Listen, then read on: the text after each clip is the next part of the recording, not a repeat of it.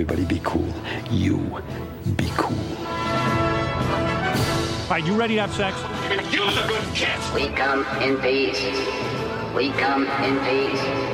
You are the motherfucking Antichrist! We're gonna let you go, okay? Ok. Film er best på radio. I'm gonna make him an offer he can't refuse. Nova Noir.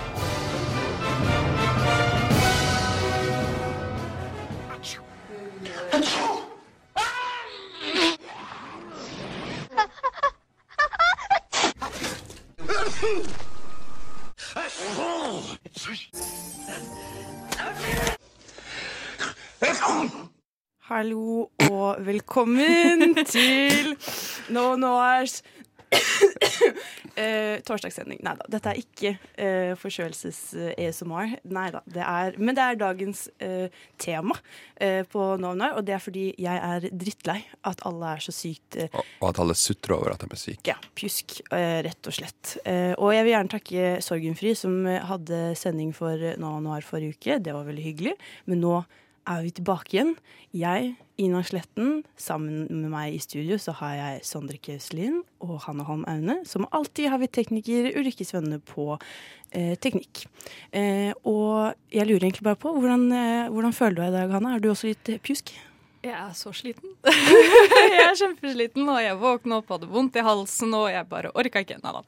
Eh, det går egentlig ganske fint. Mm. Jeg har vært syk, men er ikke syk nå lenger. Nei, har du sett på noe gøy, da?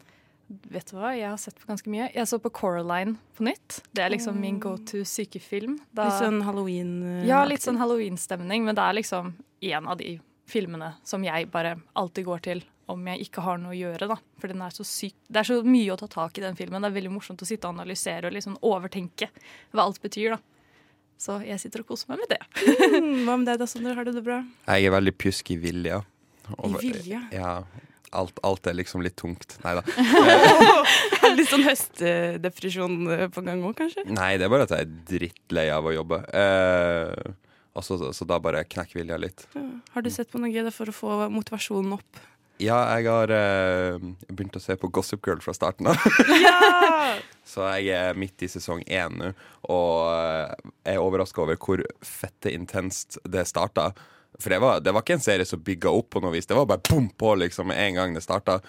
Og det, det enjoyer jeg veldig godt. Jeg bare mimrer tilbake til jeg så på det på videregående. Fråtse litt over sånn unødvendig drama. Mm, sa- ja, det er ikke sånn, ikke sånn. Alle ligger med hverandre, Ja, når jeg ikke har drama nå i livet mitt nå, så er det liksom sånn hm, greit å ha, ha litt sånn annet drama å se på. Mimre litt. Jeg har også vært på, jeg har vært på kino og sett en um, jeg, Eller jeg har sett et teaterstykke på kino, på en måte. Jeg var og så eh, På Gimle så så jeg Funny Girl, som er den eh, musikalen, og den var satt opp på West End eh, i London. Og da liksom filmet jeg det og satt opp på kino. Og jeg har aldri Altså sett det filma forestillingen, liksom? Ja, og det er alltid veldig vanskelig å forklare det for folk. Folk sånn, ja, ja. Ja, nei, jeg, jeg har en gang sett i Trondheim, så så jeg sånn der Svanesjøen. De hadde filma det fra en eller annen opera i St. Petersburg eller noe sånt der. Så så jeg det på kino. Det var litt rart. På videregående så gikk jeg på drama, så en av oppgavene våre var jo å analysere en hel film som, bare gikk, som foregikk på scene. Det var veldig slitsomt.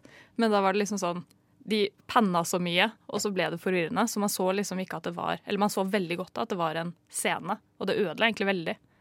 Ja, for det er det som var litt sånn rart, at alt skjedde jo på samme scene hele tiden. Da. Og så zoomet de liksom inn når det skjedde viktige ting og sånn. Men jeg hadde sett Funny Girl før, og jeg syntes hun var sykt lættis. Og jeg- koste meg masse sammen med alle de gamle menneskene som drakk, satt og drakk vin ved siden av meg på Gimle. Fordi det er jo de eneste som drar på Gimle, er jo Ja, gamle det, mennesker. er- jeg synes jeg å si det. Det, det, det, er litt, det, er litt, det er litt fiffent å dra på Gimle kino. Følte meg litt sånn, sitter her alene med uh, dadlene mine og koser meg med ja, Dadla og, andres whisky. dadla og rødvin skulle det ha vært, liksom. Mm, det var veldig kos. Men vi har en veldig uh, morsom sending foran oss i dag. Vi skal snakke om ja, forkjølelse. Så da skal vi først snakke litt om våre favorittforkjølelsesfilmer. Eh, og etter hvert så skal vi da og skal vi få en liten anmeldelse. Og så skal vi også eh, fortsette å snakke om filmer som tar for seg sykdom på forskjellig vis.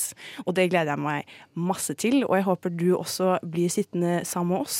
Nå tenker jeg at du skal få lov til å høre en liten sang, altså 'Cruiser' av Breveglier. Det var da eh, Cruiser med Unnskyld for dårlig eh, sagt navn tidligere, men det var Breviglieri.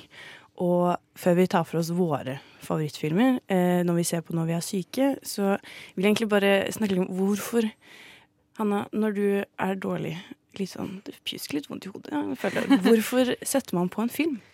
For å få tiden til å gå fortere, tenker da jeg da. Og så kose seg litt, da. Det å sitte og ikke være på jobb med en bolle med popkorn og se på et eller annet tilfeldig skit du har funnet på Netflix, er jo den perfekte dagen min. Er du enig, Sondre? Ja, ikke for å få tida til å gå fortere, men mer egentlig bare fordi at det er det eneste du kan gjøre som ikke krever en dritt energi, egentlig. Og om du sovner på sofaen, ja ja, shit same, liksom. Du har sikkert sett filmen før, for at du setter aldri på noe helt, helt Nei, nytt. jeg er veldig enig. Men grunnen til at jeg sier liksom for å få tiden til å gå fortere, er fordi jeg klarer jo aldri å sitte stille på sånne ting. Selv når Eller- du er syk. Nei, jeg får det ikke til. Jeg kjeder gørra av meg, så jeg må liksom Jeg finne heller et bare eller å bli annet å gjøre. irritert og vrir meg i sofaen. Jeg er bare sånn, åh, bare, Du vet når du bare sånn «Åh», ikke får til å Du bare er rastløs, men du orker ikke å gjøre noe. Den følelsen har jeg. Men jeg har liksom den erfaringen av at når man er syk, i hvert fall når man var yngre, da, så var det sånn du kan ikke se på film hvis du er syk. Det er dårlig for hodepinen din. Og, det er sånn, eller det er sånn, og hvis du er syk, da orker du ikke å se på film. Så jeg føler liksom Hadde du en veldig streng mor? Nei, mamma hører på, men eh, Nei da, det var ikke noe sånn. Vi er en veldig fin familie. Det er ikke det, men jeg bare føler at Kan ikke tro skjer. eh, man blir litt sånn man får høre liksom at «Å, men da burde du ikke se på skjerm. ikke sant? Sånn type ting. Så det er litt morsomt at det har blitt en veldig sånn greie å se på film når man er syk. Det var en gang i åttende hvor jeg var syk i tre uker. Fordi jeg tok den eh, Var det svineinfluensavaksinen? Ja, jeg tok svineinfluensavaksinen, så ble jeg dårlig på grunn av den. Eh, Og da var jeg hjemme i tre uker. Og da lærte jeg Jeg begynte Weak. å memorere. Liksom. Hæ? Unnskyld meg. Å, herregud! Jeg syns svineinfluensa er weak. Greit. OK, over Fortsett den. Jeg er over den nå. um, da memorerte jeg liksom når enkelte ting gikk på TV. Så jeg starta liksom dagen med OK, da går det tegneserie jeg liker, så da ser jeg på det. Og så etter det så var det sånn to timer med dødtid hvor det ikke var noe morsomt å se på TV, så da satte jeg på film. Og så når den filmen var ferdig, så visste jeg å, nå går Dr. Phil, så da bytta jeg til det. Og så hadde jeg sånn Jeg hadde liksom Eneste problemet mitt var at når jeg kom til helgen, da hadde jeg Da, da Ja, var det ikke den samme stemme, Nei, da var det ikke det på Da var jo ikke liksom først Home and Away eh, Nei, Seventh Heaven så Home and Away, og så Malcolm i midten og hele den der. Nei, da var det noe annet, ikke sant? for da var det flere som var hjemme, og flere som hadde lyst til å se på TV. Så da bare Og da flere var det bra ting som gikk, og da var det ikke noe gøy Nei. lenger. Huff. Nei, men det, jeg drev og så på sånn uh, Best movies to watch when you're sick uh, på sånn IMDb og alle andre sånn type ratingsider. Og det, det er veldig gjennomgående sånn der typisk koselige filmer. Sånn romcoms og veldig mye sånn nostalgitrips. Eh, og jeg syns det er veldig fascinerende fordi jeg bare, jeg, hvorfor har man lyst til å se Jeg har det veldig. Hvorfor, er det liksom det, da? At jeg har lyst til å se på noe som får meg til å føle meg bra? Eh, er det det? Nei, jeg- Det er ikke sånne filmer jeg velger heller, da. Jeg velger jo ikke sånne kjærlighetsfilmer på 90 minutter, liksom. Nei, altså jeg, jeg velger heller de der tunge filmene som gjør, gjør at jeg bare føler meg enda verre. Sånn typ, en av de første, eller Det var vel første gangen jeg så Schindlers liste, så hadde jeg influensa. Og det var liksom sånn I tillegg da så så jeg den på DVD. Og da, på den tida så hadde ikke DVD-ene så veldig god lagringskapasitet. Jeg måtte røyse meg opp og bytte DVD midt i filmen, ikke, for filmen er for lang til å være på én DVD. Men hvorfor, hvorfor vil du se så tunge filmer? Jeg vet ikke. Det er bare fordi at de er alltid lang, og da trenger jeg ikke å gjøre noe på sånn to og en halv time, tre timer. Jeg tror det er det det går på.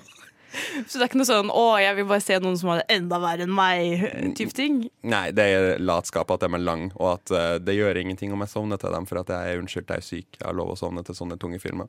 En romcom må du på en måte liksom være sånn åh, den er bare 90 minutter, bare pe- peine deg gjennom det. Men Hanna, du så heller ikke på 22 romcoms. Hva er det Jeg ser på veldig mye animasjon. Ok. Eh, sånn, sånn som jeg sa i stad, jeg elsker jo Coraline. Ja. Så jeg ser veldig mye på den. Jeg ser også veldig mye på Wallace og Gromit når jeg er syk, for jeg syns det, Det er er veldig koselig. dritekkelt. Ja, synes det er faktisk, ja jeg syns også plastelin, sånn plastelina stop motion er faktisk dritnasty. Dere har ikke hatt en barndom. Altså, nå er Jo, jeg har bare, hatt en, bare en bedre enn en dag. Og den er Nei, traumer. ikke! Jeg har traumer i barndommen min pga. Wallace og Gromit. På grunn av Wallace og Gromit. Ja. Men nei, de er jo bare kjempesøte. Er det ikke der den er varulvkaninen? Jo. Jo, Fy faen. Jeg elsker den filmen. Nå får jeg skikkelig stygge blikk. Greit, det, Hanna. Men jeg er det motsatte, fordi jeg eller det er enten, enten, enten eller for meg. Da. Det er veldig sånn eh, jeg, jeg føler jeg alltid kåter Prinsessebruden hver gang jeg er i sendingen for tiden. Eh, men Prinsessebruden er min, en av mine favorittfilmer, og den er bare så sykt gøy og teit. Men så er det også det at La oss si jeg ligger hjemme, jeg er syk, og så har jeg sånn Jeg har ikke noe å gjøre. Og så er det en film da, som jeg liksom har tenkt sånn Jeg har ikke orket å se den før. Og så bare Nå kan jeg se den. For nå Ja, har jeg sånn som Schindlers liste. Jeg hadde ikke valgt Schindlers liste, liksom. Den er jo Jeg tror første gang jeg så den, så var det liksom på skolen, fordi vi ble tvunget til å se på den.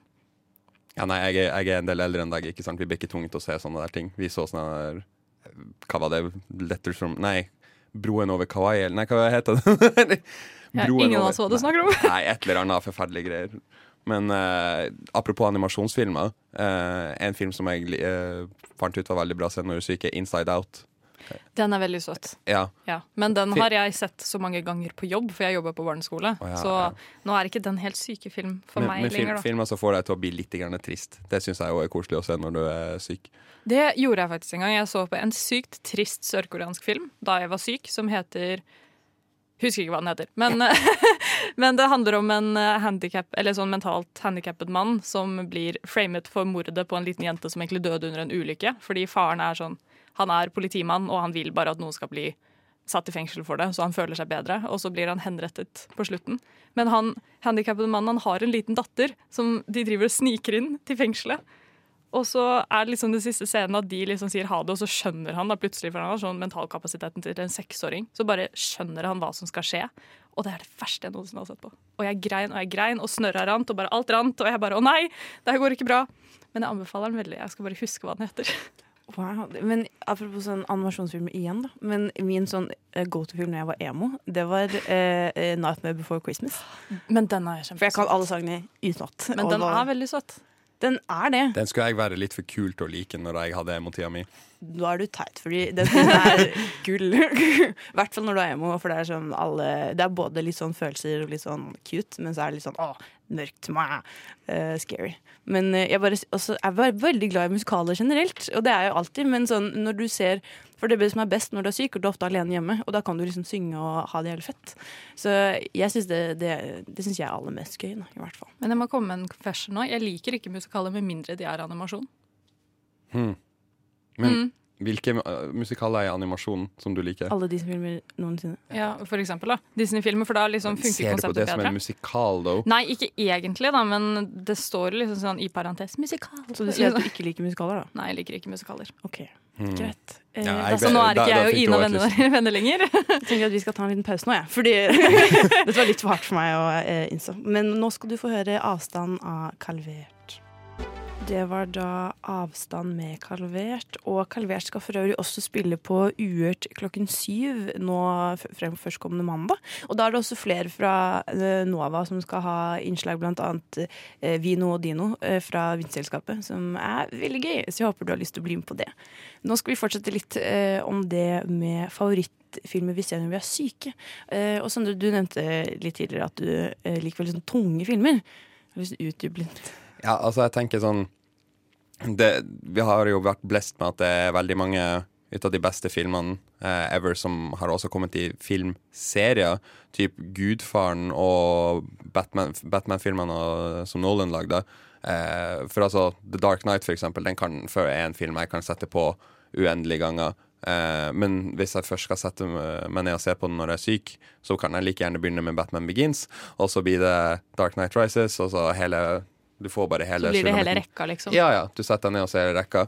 Ja, det jeg syns også er veldig gøy, er at jeg elsker også å se på sånn eh, helt eh, tankedøde actionfilmer eh, når jeg er syk. Eh, Fordi det er bare sånn Vanligvis så er det litt sånn Å, er det dette jeg har lyst til å eh, bruke tiden min på? Men det er litt da sånn det, Jeg kan godt se one-liners. Jeg kan, jeg kan liksom ikke se for meg at du setter deg ned og ser sånne actionfilmer. og jeg syns det er så gøy. jeg Sånn type. Triple X og he helt tilbake til sånn dritt, og Expendables og de der. Ja, det kan jeg ikke For det er det jeg tenker Sier på. de triple X? Det står jo bare XXX. Ja, det er Triple X. Det er det, ja, ok. Ja. Ja. Jeg bare, det har jeg bare aldri fått med meg. Nei, jeg vet ikke, bare, ikke at jeg liker Taken, men sånn, sånn type filmer da, som bare er teit. Og du, bare, du ser det bare fordi det er gøy. Eller sånn eh, Red, eller sånn Ja, jeg vet ikke. Eh, er ikke du enig i sånt? Syns ikke du det, Egil? Nei, dem, jeg vet ikke. Det er sånne filmer jeg liker å se når jeg har samme energinivå som filmen, på en måte.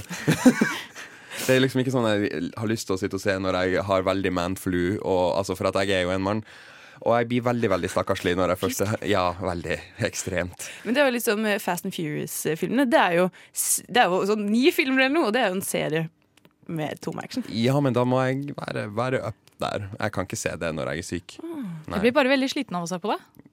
Ja, nei, ikke sant? Liksom. Det, er, det er veldig mye som skjer på skjermen, energi. jeg sitter der bare åh, kan dere ikke? Liksom. Det, det var liksom sånn Roommatesene mine De satt og så på Pirates of the Caribbean liksom Oi Når eh, Når de var syke nå nettopp to ut Og de bare hadde heftig forkjølelse Og så så de fire av de filmene jeg bare sånn der Herregud, hvorfor gidder dere å se det her mjølet? Pirates of the Caribbean er dritgøy. Jeg ville heller ha sett på Pirates of the Caribbean enn liksom Fast and Furious. Ja, ja. Sterkt uenig Du. Hæ? Hvorfor det? Jeg hørte at eh, of Caribbean skal rebootes. Nei.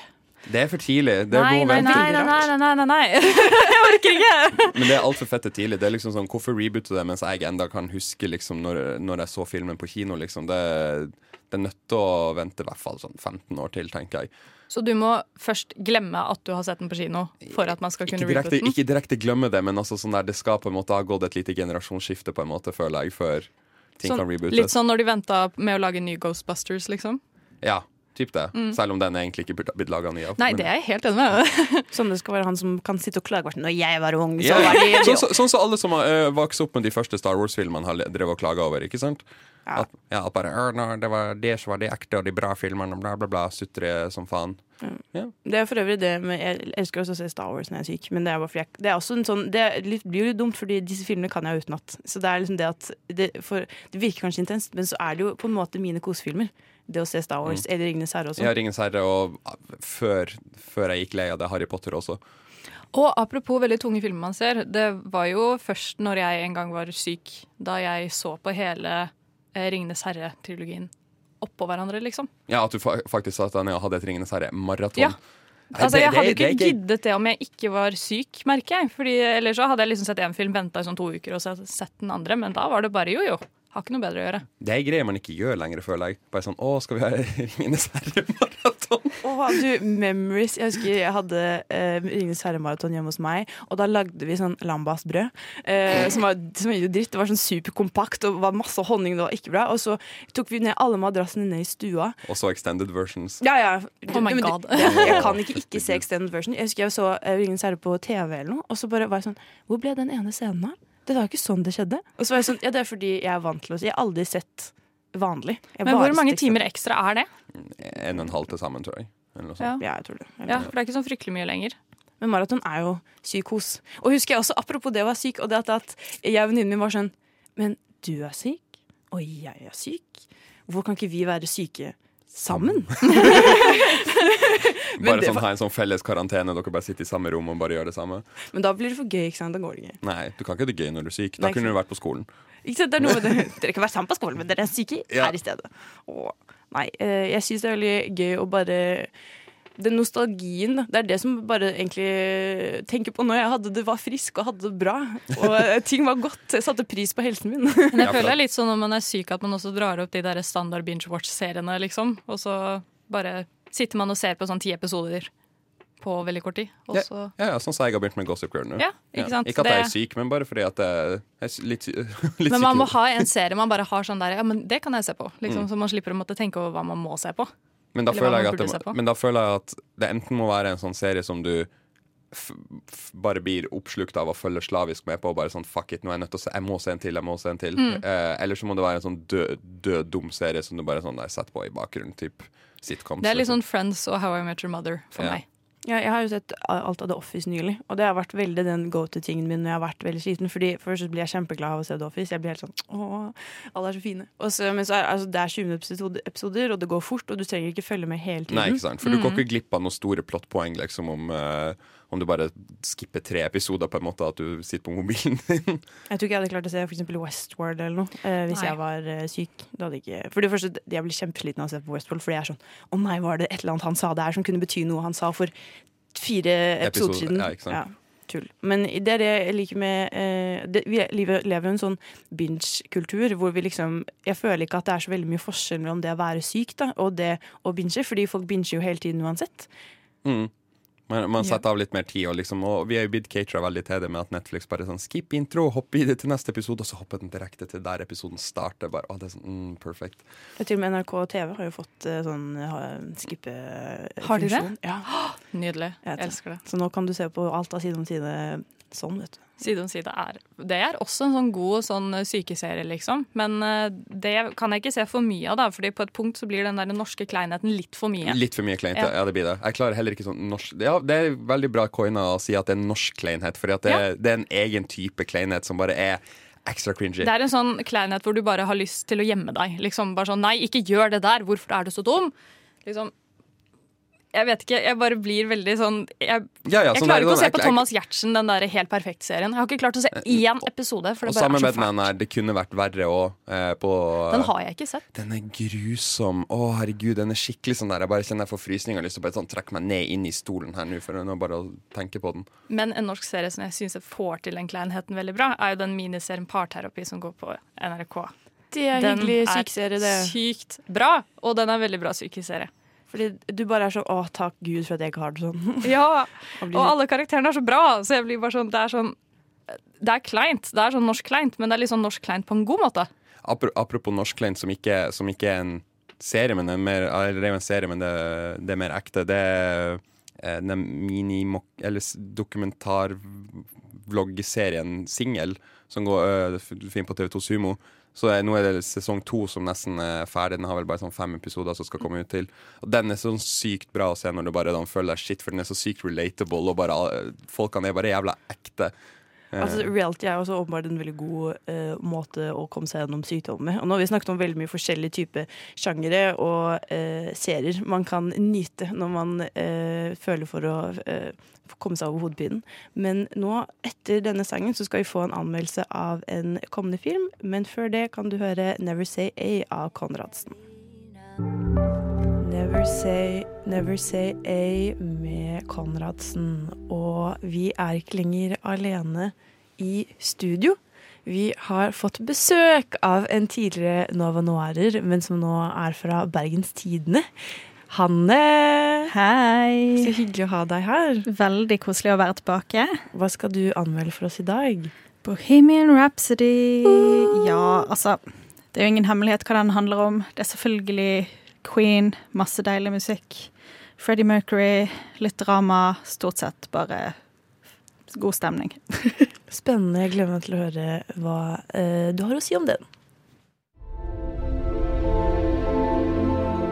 Nova Noir presenterer ukens kinopremierer.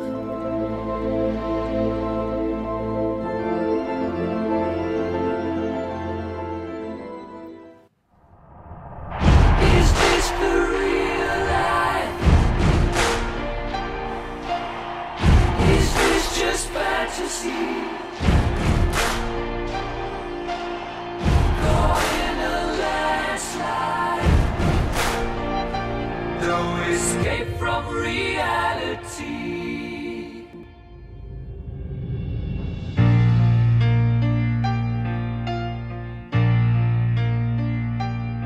I enjoyed the show. I also I write songs. Our lead singer just quit. Then you'll need someone new. I love the way you move on stage. The whole room belongs to you. Don't you see what you could be? No one will play us on the radio. We need to get experimental. Do it again. One more. How many more Galileos do you want? Roger, there's only room in this band for one hysterical queen. Mark these words. No one will play Queen. Fortune favors the bold. Ja, altså mange, mye Bohemian Rhapsody der. Den er med, alle hitsene er med. Ikke fortvil, dere får det dere vil ha. Eh, vi blir introdusert til eh, Rami Maleks Freddie Mercury, eh, mens han ennå heter Farouk eh, Bulsara.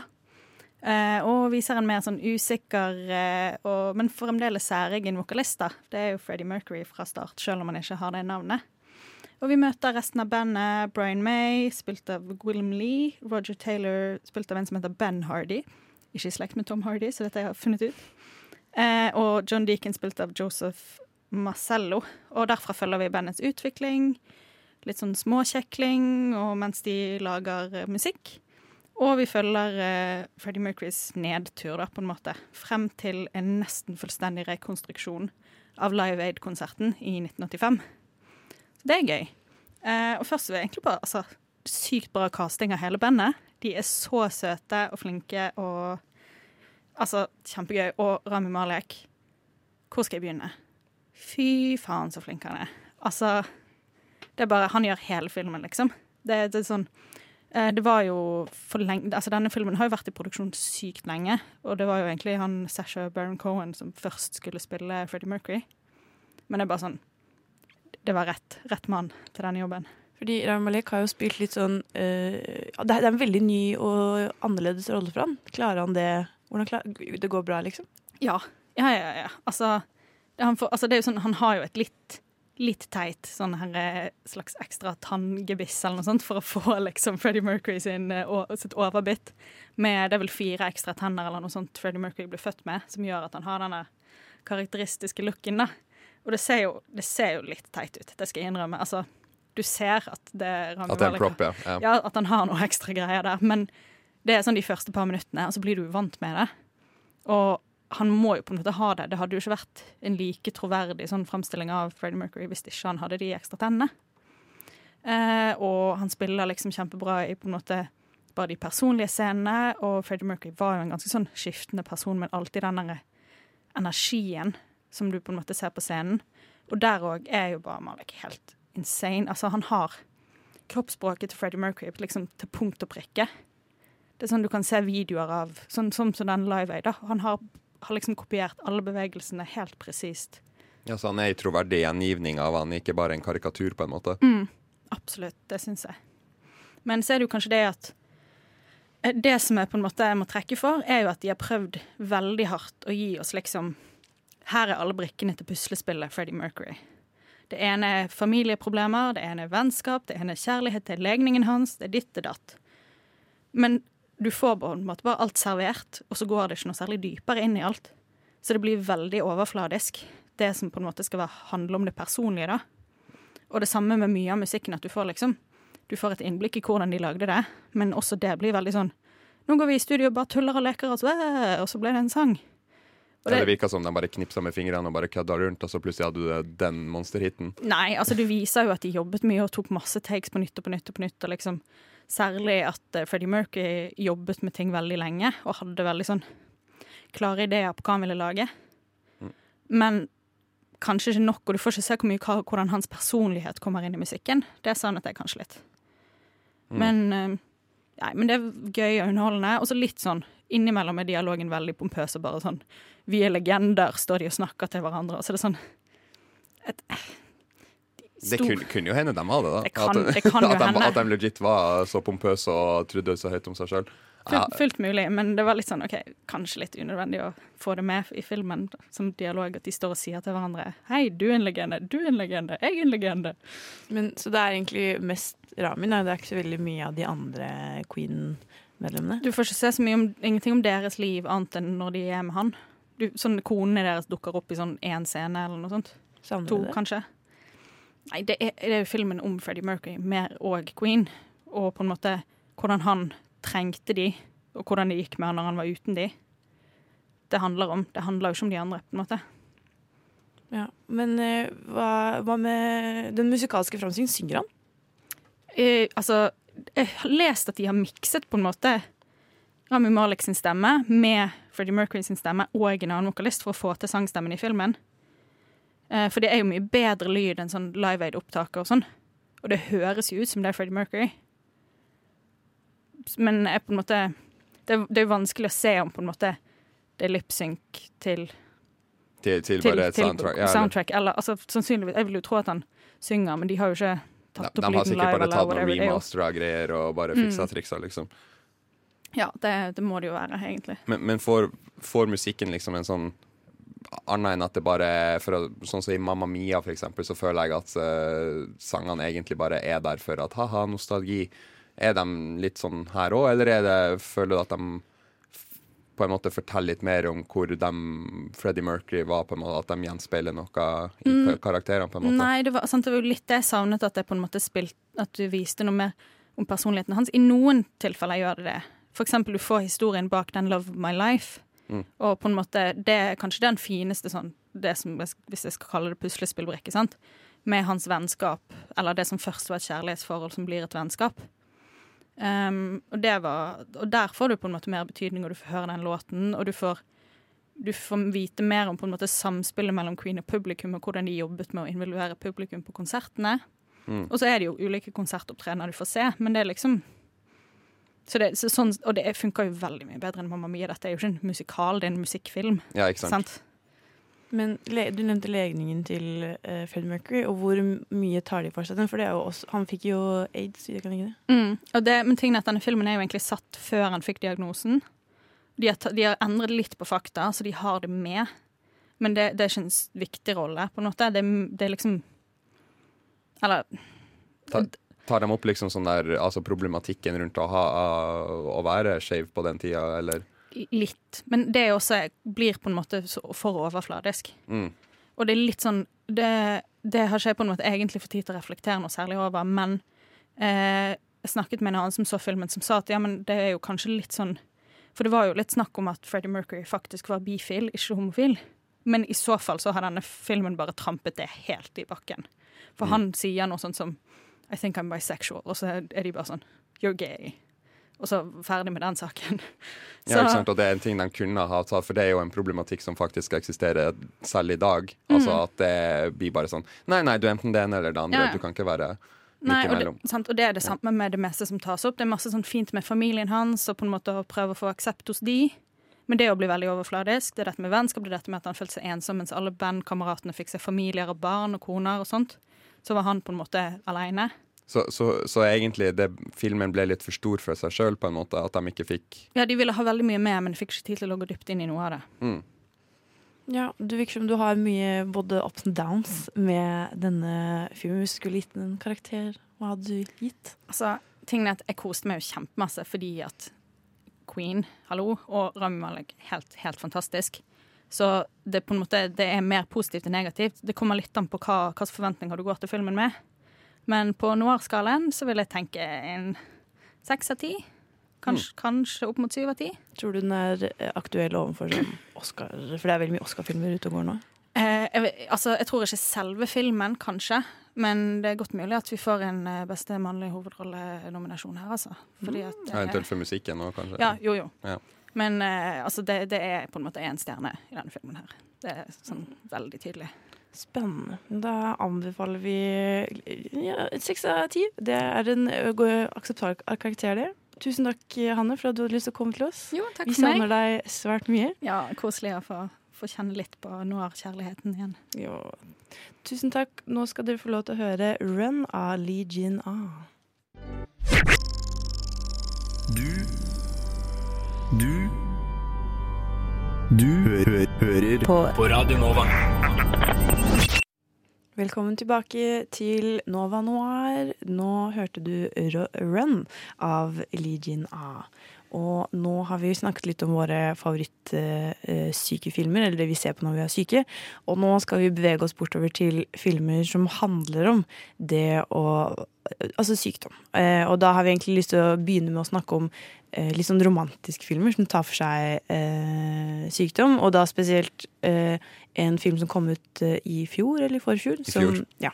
eh, og som var, var veldig mye snakkes, for den på en måte gjenopplivde eh, den romanske komedien. Eh, altså eh, The Big Sick. Can you imagine a world in which we end up together? I don't know. I'm looking for Emily Gardner. She was checked in tonight. There's an infection. We put her in a medically induced coma. Coma. You should call her family. Thank you, Kamala. We're gonna handle things from here. I think I'm just gonna wait anyway. You guys broke up. I'm not sure why you're here. I'm just gonna stay for a second. Is this seat? Okay. The Big Sick handler altså om eh, en mann Eller typisk eh, romansk komedie. Mann møter kvinne, de blir forelsket, og så ser de en problem, og så eh, Ja, og så havner hun i koma, nesten er død. Ja, så, og så blir liksom resten av filmen er at han sitter på dette og venter på at hun skal bli bedre, da, for hun har en sånn infeksjon eh, som ja, beveger seg rundt kroppen hennes. eh, Og møter da foreldrene hennes etter at de har slått opp, og det vet foreldrene. Så det blir en veldig sånn rar sånn stemning, for han angrer veldig da, på at han uh, slo opp med henne. At han hadde gjort noe feil. Um, og det som er litt kult med den filmen, er at den, han er uh, pakistaner, tror jeg. Uh, og han blir liksom eh, Moren hans prøver liksom å sette opp uh, Får han til å møte masse forskjellige kvinner. Da sånn, ah, Se på hun her, hun burde gifte seg. sånn, se, på, se på kusina di, hun er fin. Ja, ikke sant? Mm, ja, men, Ikke helt der, da. ikke helt der, men i hvert fall så han føler veldig det presset da, på at liksom hun, å, hun Et giftepress, i hvert fall, fra, fra, fra familien hans. Ja, så, og så skjønner han at han har gjort noe feil, for, og har veldig lyst på hun eh, tilbake igjen. da. Eh, og den er veldig morsom. Eh, jeg syns det var veldig gøy. Og eh, romantiske komedier er jo alltid kos, det. Syns du ikke? Jeg, jeg likte ikke helt The Big Sick, jeg. Okay. Altså sånn der, fordi at det, Jeg har et ganske stort problem med alle sånne her filmer som jeg føler romantiserer sykdom, og liksom sånn der eh, skal nevne min aller største hat etterpå, men eh, filmer der det virker som sånn Å nei, det er først da nå når du holder på å dø at jeg innser at nå, det var jo deg jeg ville være med. Herregud, hvor, hvorfor var jeg så dum at jeg ikke så at det var jeg og du som var livskjærligheten, liksom.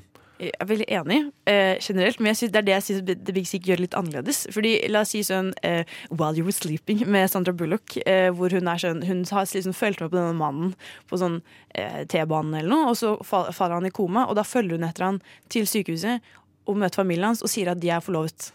Eh, og da fremstår hun liksom som en sånn gal sånn Ja, det syns jeg ikke er greit. Og så blir hun forelsket i broren hans. Det er masse, masse rare ting. Men i hvert fall sånn type ting. Da. Eh, det er det jeg syns Big Sig gjør litt annerledes. Da, og det handler litt mer om den relasjonen. Han skjønte jo at han hadde lyst på henne før han visste at hun var syk igjen. Da, på en måte. Men tingen er at han har jo dumpet henne, og så havner hun i koma.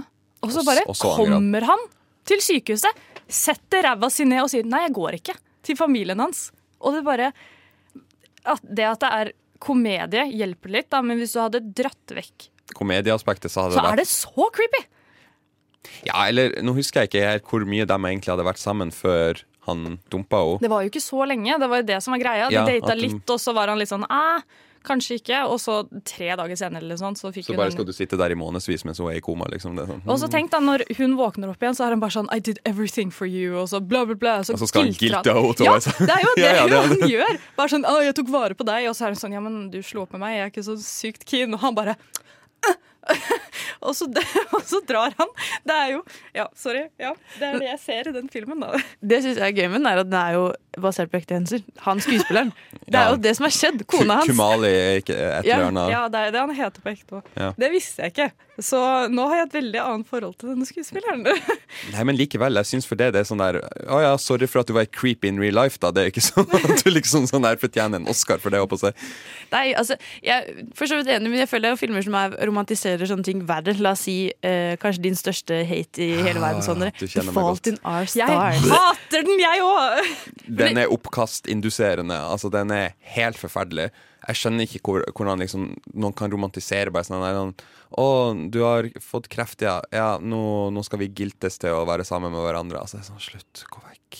Men jeg synes også det setter sånne urealistiske uh, forventninger til kjærlighet. Da. At det, er Mm. sånn, det må være noe på st- eh, at stake. Det må være liksom sånn Å, ja, vi er sjelevenner, så vi må være sammen. Og det er bare sånn veldig følsomt. Det jeg Ja, Jeg sant? Vi at møttes for to uker siden, og vi bare fant ut at vi var meant to be. Og selv om du nå har fått uhelbredelig kreft og har fått seks måneder igjen å leve, så må vi være sammen til siste åndedrag. Nei, nei, du må ikke det. Og det er ikke sånn du er nødt til å gjøre in real life bare for at du har sett det på film. Om, om den du dater får dødelig kreft, du har lov du har lov å tenke mm, nei, ikke min cup of tea. Du er ikke et fælt menneske for det om du gjør det, liksom. Men det sier det jo i filmen òg. Hun hovedkarakteren jeg ikke husker navnet på, fordi jeg bare liker ikke denne filmen, hun sier jo på et punkt sånn Å ja, men jeg har ikke lyst til å være sammen med deg, fordi jeg kommer til å dø. Det var før han ble syk igjen. Jeg var sånn, jeg kommer til å dø, og jeg orker ikke å involvere altfor mange folk i livet mitt.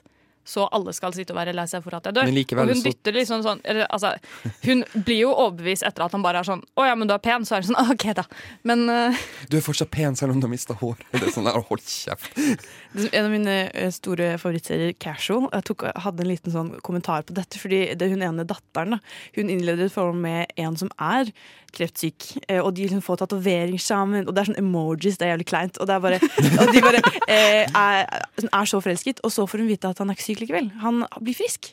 Og da var hun sånn Nå var jeg veldig redd for at du skulle si at han bare hadde latt som. Nei, nei, nei, nei, nei det, var, det var fint. Han, han ble frisk, og da var det sånn Hun bare Men du skulle dø. vi, vi, vi var sammen for at du skulle dø. Det her skal være en sånn romantisk greie jeg kunne fortelle om. At, Det var literally det som skjedde, så hun slo opp med han når hun fikk vite at han var frisk. Fordi da var det, noe, da var den gnisten borte. ikke sant? ja, men det er litt lættis. Det, det er jo bare morsomt. Det er veldig gøy, og jeg syns det var så sykt sånn spot on kritikk på sånn eh, tenåringer som forventer liksom den derre store sånn derre Å, vi skal eh, holde ut sammen-ting, og så plutselig er det sånn Å ja, det var ikke så, det var ikke så farlig likevel. Men det syns jeg er litt sånn morsom vri på liksom den klassiske sånn tenåring sånn derre Oh, we're meant to be. Vi må liksom Ja, nå hopper vi inn i solnedgangen fordi vi møtte hverandre for en uke siden, og du er pen, og jeg er pen, og ja. Og selv om du har kreft, så kan vi være sammen for alltid. Det jeg syns er veldig gøy, er Eller en film som kanskje gjør det litt bedre, det er 50-50. Den med Joseph Gordon-Lewitt. Det er jo ikke, det er en komedie, men den tar for seg eh, kreft på en veldig realistisk måte. Eh, og da ser du ekte sorg, og jeg føler du får eh, Jeg liker den veldig godt, derfor jeg føler den er veldig sår, men samtidig veldig morsom på en eller annen måte. Ja, altså jeg føler, Men en film som faktisk får det til relativt OK det er, Nå må jeg bare tenke at det faktisk er den jeg tenker på, men Crazy Stupid Love, er det ikke den uh... Den med uh, hun Emma Stone og n- Nei, nei, nei, faen, hvilken er det jeg tenker på? Jeg vet hvilken du tenker på, men jeg husker ikke hva den heter. hva, han- hva handler den om, da? Det hun der som er litt sånn der mental crazy, og um, det med um, uh, Jake Gyllenhaal. Herregud, du får ta over. Jeg skal finne ut hva det er. Det her er Jeg skulle dumt. bare si at vi så jo i går på Instagram at uh, Cole Sprouse, han uh, fra uh, hva heter det? Codys søte hotell og River, Riverdale skal være med i en ny eh, film som handler om to eh, unge folk, en gutt og en jente, som har sånn cystic fibrosis, som er en kronisk sykdom hvor spesielt lungene dine liksom fylles opp med slim. Da. Og det første jeg tenkte på, var jo åh, en kreftfilm til. Og her kommer folk til å dø. Og det var ikke kreft, da, men uh, vi får se da om den blir bedre enn The Fault in Our Stars. liksom. Den blir sikkert ikke det hvis det er, det er det sikkert samme regissør og hele pakka? eller noe sånt? Det har jeg ikke sjekka, men det kan jeg jeg tør, jeg tør å tippe at det er noe sånt. Nei, nå fant jeg ut av det. Love and Other Drugs. Ok. Ja, for at da er det jo at hun øh, og- Ja, han er dealeren hennes. Ja, dealeren. Han er sånn der farmasøyt-rap.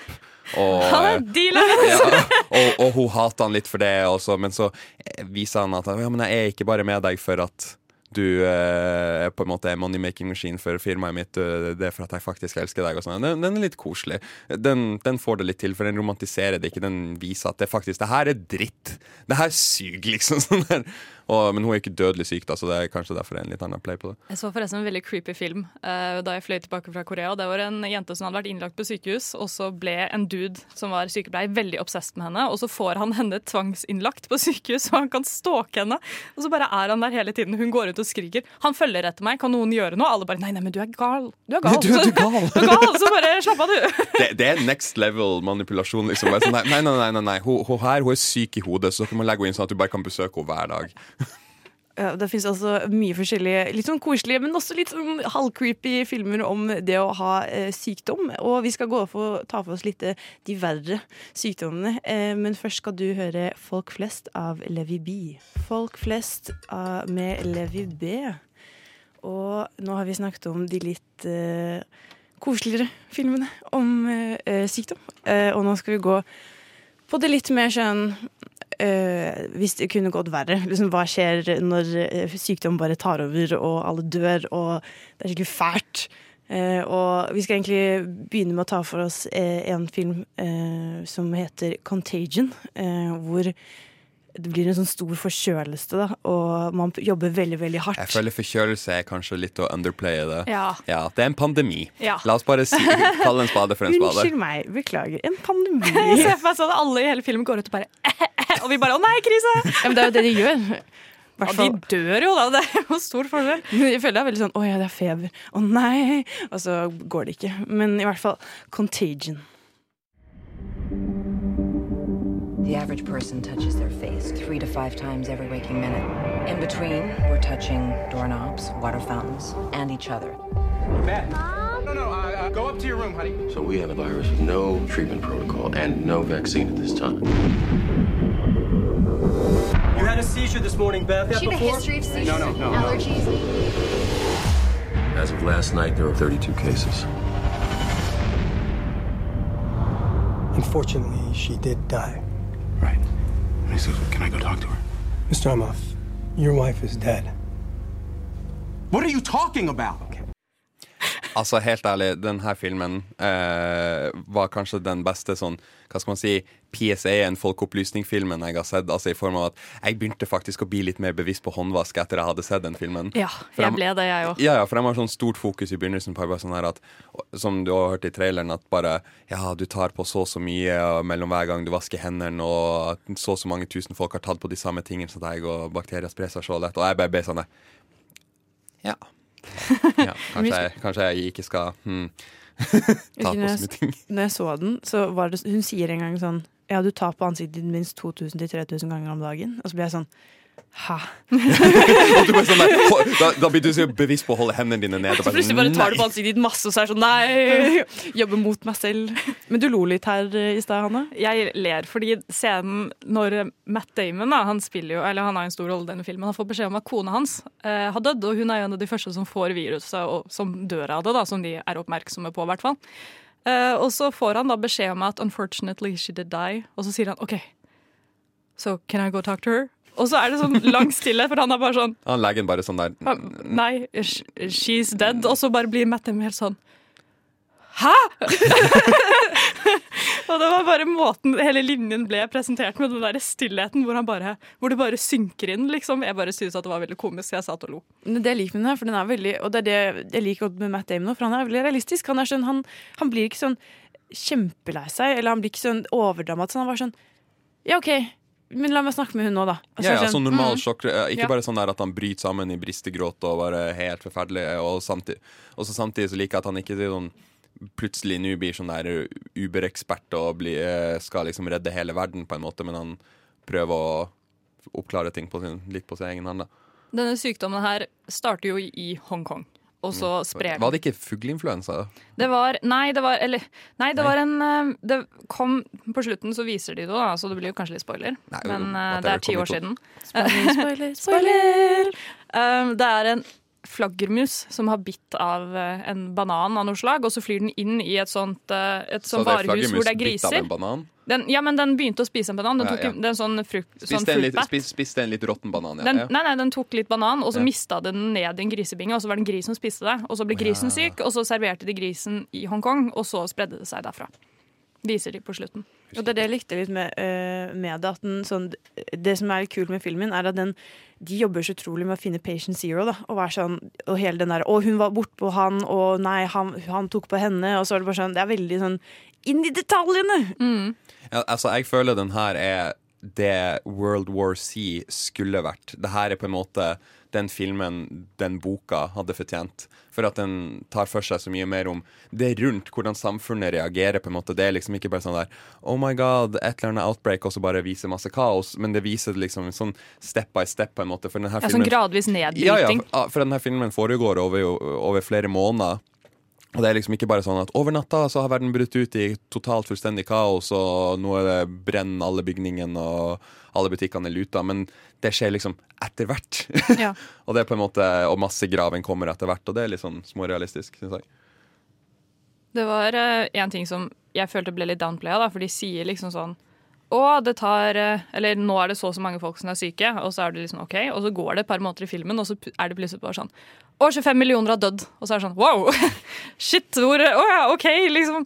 Så jeg syns ikke de var flinke nok til å liksom vise at det her er et superkrise over hele verden, for det blir liksom glemt litt hvor mange som dør.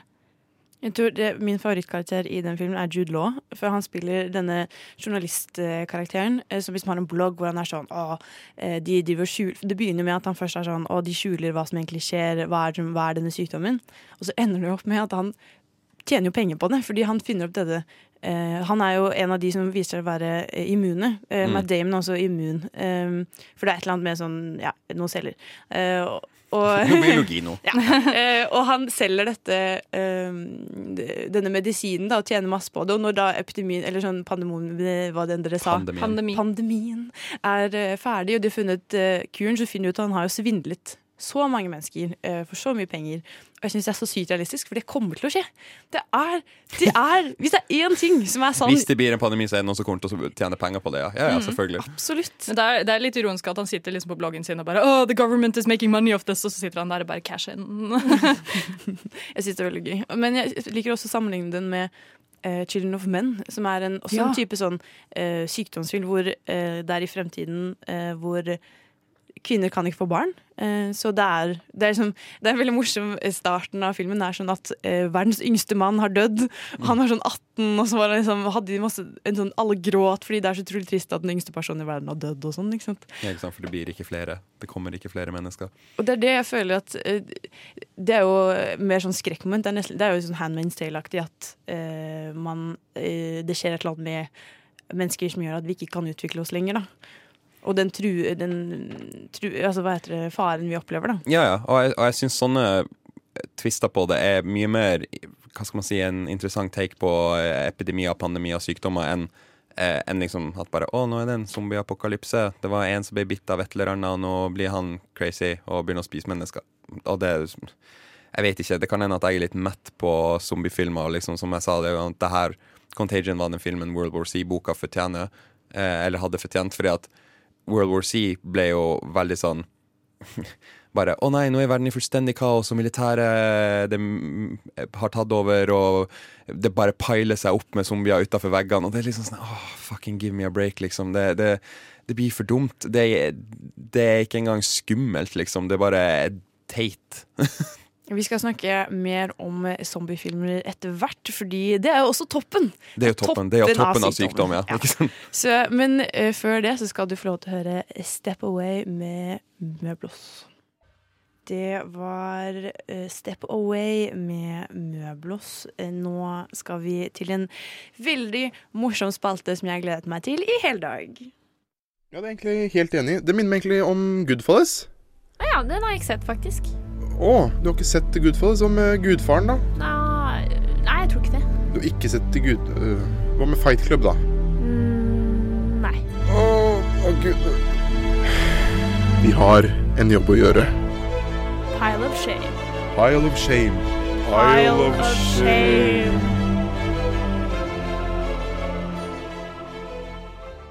Vi, jeg og Hanna, Ja. har sett 28 dager senere. Noe som du har sett før, eh, Sondre. Stemmer det. Og det er jo, som vi sa, zombiefilm. Eh, toppen av eh, sykdom. Eh, og vi hadde mye tanker og meninger rundt det vi skulle se. So who are you? Wake up today in hospital. I wake up and I'm, I'm hallucinating. I've got some bad news. They're infected. Infected? Father. Infected with what? Oh, I shouldn't have done that. The blood. There's something in the blood.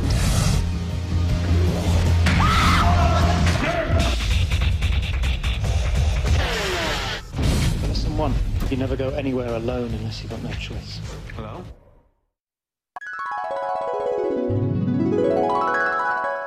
Det ser ut som en veldig standard zombiefilm, eh, med tanke på posteren. Så jeg veit ikke. Den kom ut i 2002, Mm. og det var jo Kanskje ikke så veldig bra filmår, jeg vet ikke. Har du fordommer mot 2002? Eh, Når jeg ser på posteren, ja. Ja. Fordi jeg, jeg har visst om denne filmen lenge, og det er liksom det at Men jeg er veldig feig. Det er det som er problemet mitt. ja. Jeg er så redd. Uh, så jeg vet at grunnen til at jeg ikke har sett denne før, er fordi uh, jeg visste at den skulle komme til å skremme meg. Så det er egentlig det jeg lurer på nå. Da er jeg like redd i dag som jeg var når jeg var 14. Og en fyr vet ikke at apokalypsen har skjedd, og så har den skjedd. Og så bare går han ut og bare? Og så er det sånn andre folk som bare være sånn dumbass. For den heter jo 28 Days Later. Ja. Så ser jeg jo for meg at de må kutte i tid. Ja, det er vel etterpå, ja. Ja. Mm. Ja, og så forventer jeg at det er mye død. Sånn at mange karakterer som du liksom liker litt, bare forsvinner plutselig helt. Men er du, du er positivt innstilt, da? Eller, eller sånn nøytralt? Jeg er litt nøytral. Jeg har okay. ikke så store forventninger til zombiefilmer lenger. Nei, jeg vet bare at den har Det er veldig god musikk i den. Det er det eneste jeg vet ellers. Så, oh, ja, det er det? Ja, Da så jeg meg. jeg tror det blir eh, spennende å se.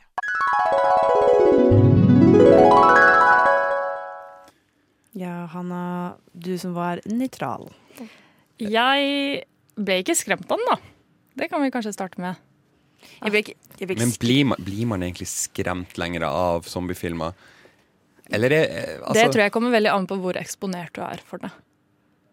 Og, men også sånn hvor ekkelt det er. For jeg Ja. tror det er det som er sånn mitt sånn hovedproblem med det. Jeg skvatt dritmye i den filmen, jeg må si det. Eh, skvetter. Og blir veldig sånn Du blir litt sånn anspent og litt sånn der kaldsvett og bare øh. Men det var fordi jeg fant ut at eh, jeg så, visste ikke det før jeg så den, men Cillian Murphy er hovedpersonen. Å ja, det var derfor du ble litt sånn der andpusten? Ultimate Bay. Og jeg bare Vet du hva, dette gjorde filmen ti ganger bedre eh, allerede da. Eh, så jeg ble bare sånn Jeg Selvsagt skal ikke du dø, min eh, kjære lille eh, favorittperson. Så jeg Men det som egentlig sjokkerte meg mest, var Den er, den er fra 2002, og den er Jeg likte den skikkelig godt, fordi den er helt utrolig vakkert filmet. Og jeg ble helt sånn eh, Slet veldig med å finne den. Fikk ikke kjøpt den på Viaplay, og så måtte redusere meg selv til Playmo. Eh, og, og da var det sånn Det var ikke noe forskjell mellom high og low eh, quality. Men eh, hvert fall. eh, den er så utrolig jeg føler at Det som ofte er et, et ting jeg har lagt merke til med som-filmer, er at de er veldig sånn rotete filmet. det veldig sånn, eh, går litt fort og litt sånn sjanglete og sånn. Men den her var så, den scenen hvor han går gjennom London, og det er helt tomt. Jeg var helt sånn målløs. Jeg bare herregud. Sykt fint. Altså, det, og det, Jeg liker jo ikke linsen på denne filmen. da. Den eh, linsen de har brukt. Jeg syns egentlig at det gjorde at det så veldig stygt ut, egentlig. Og da ble jeg litt sliten av å se på det. Så jeg er litt uenig med at den var pen, da. Jeg syns at den eh, var litt for mørk, egentlig.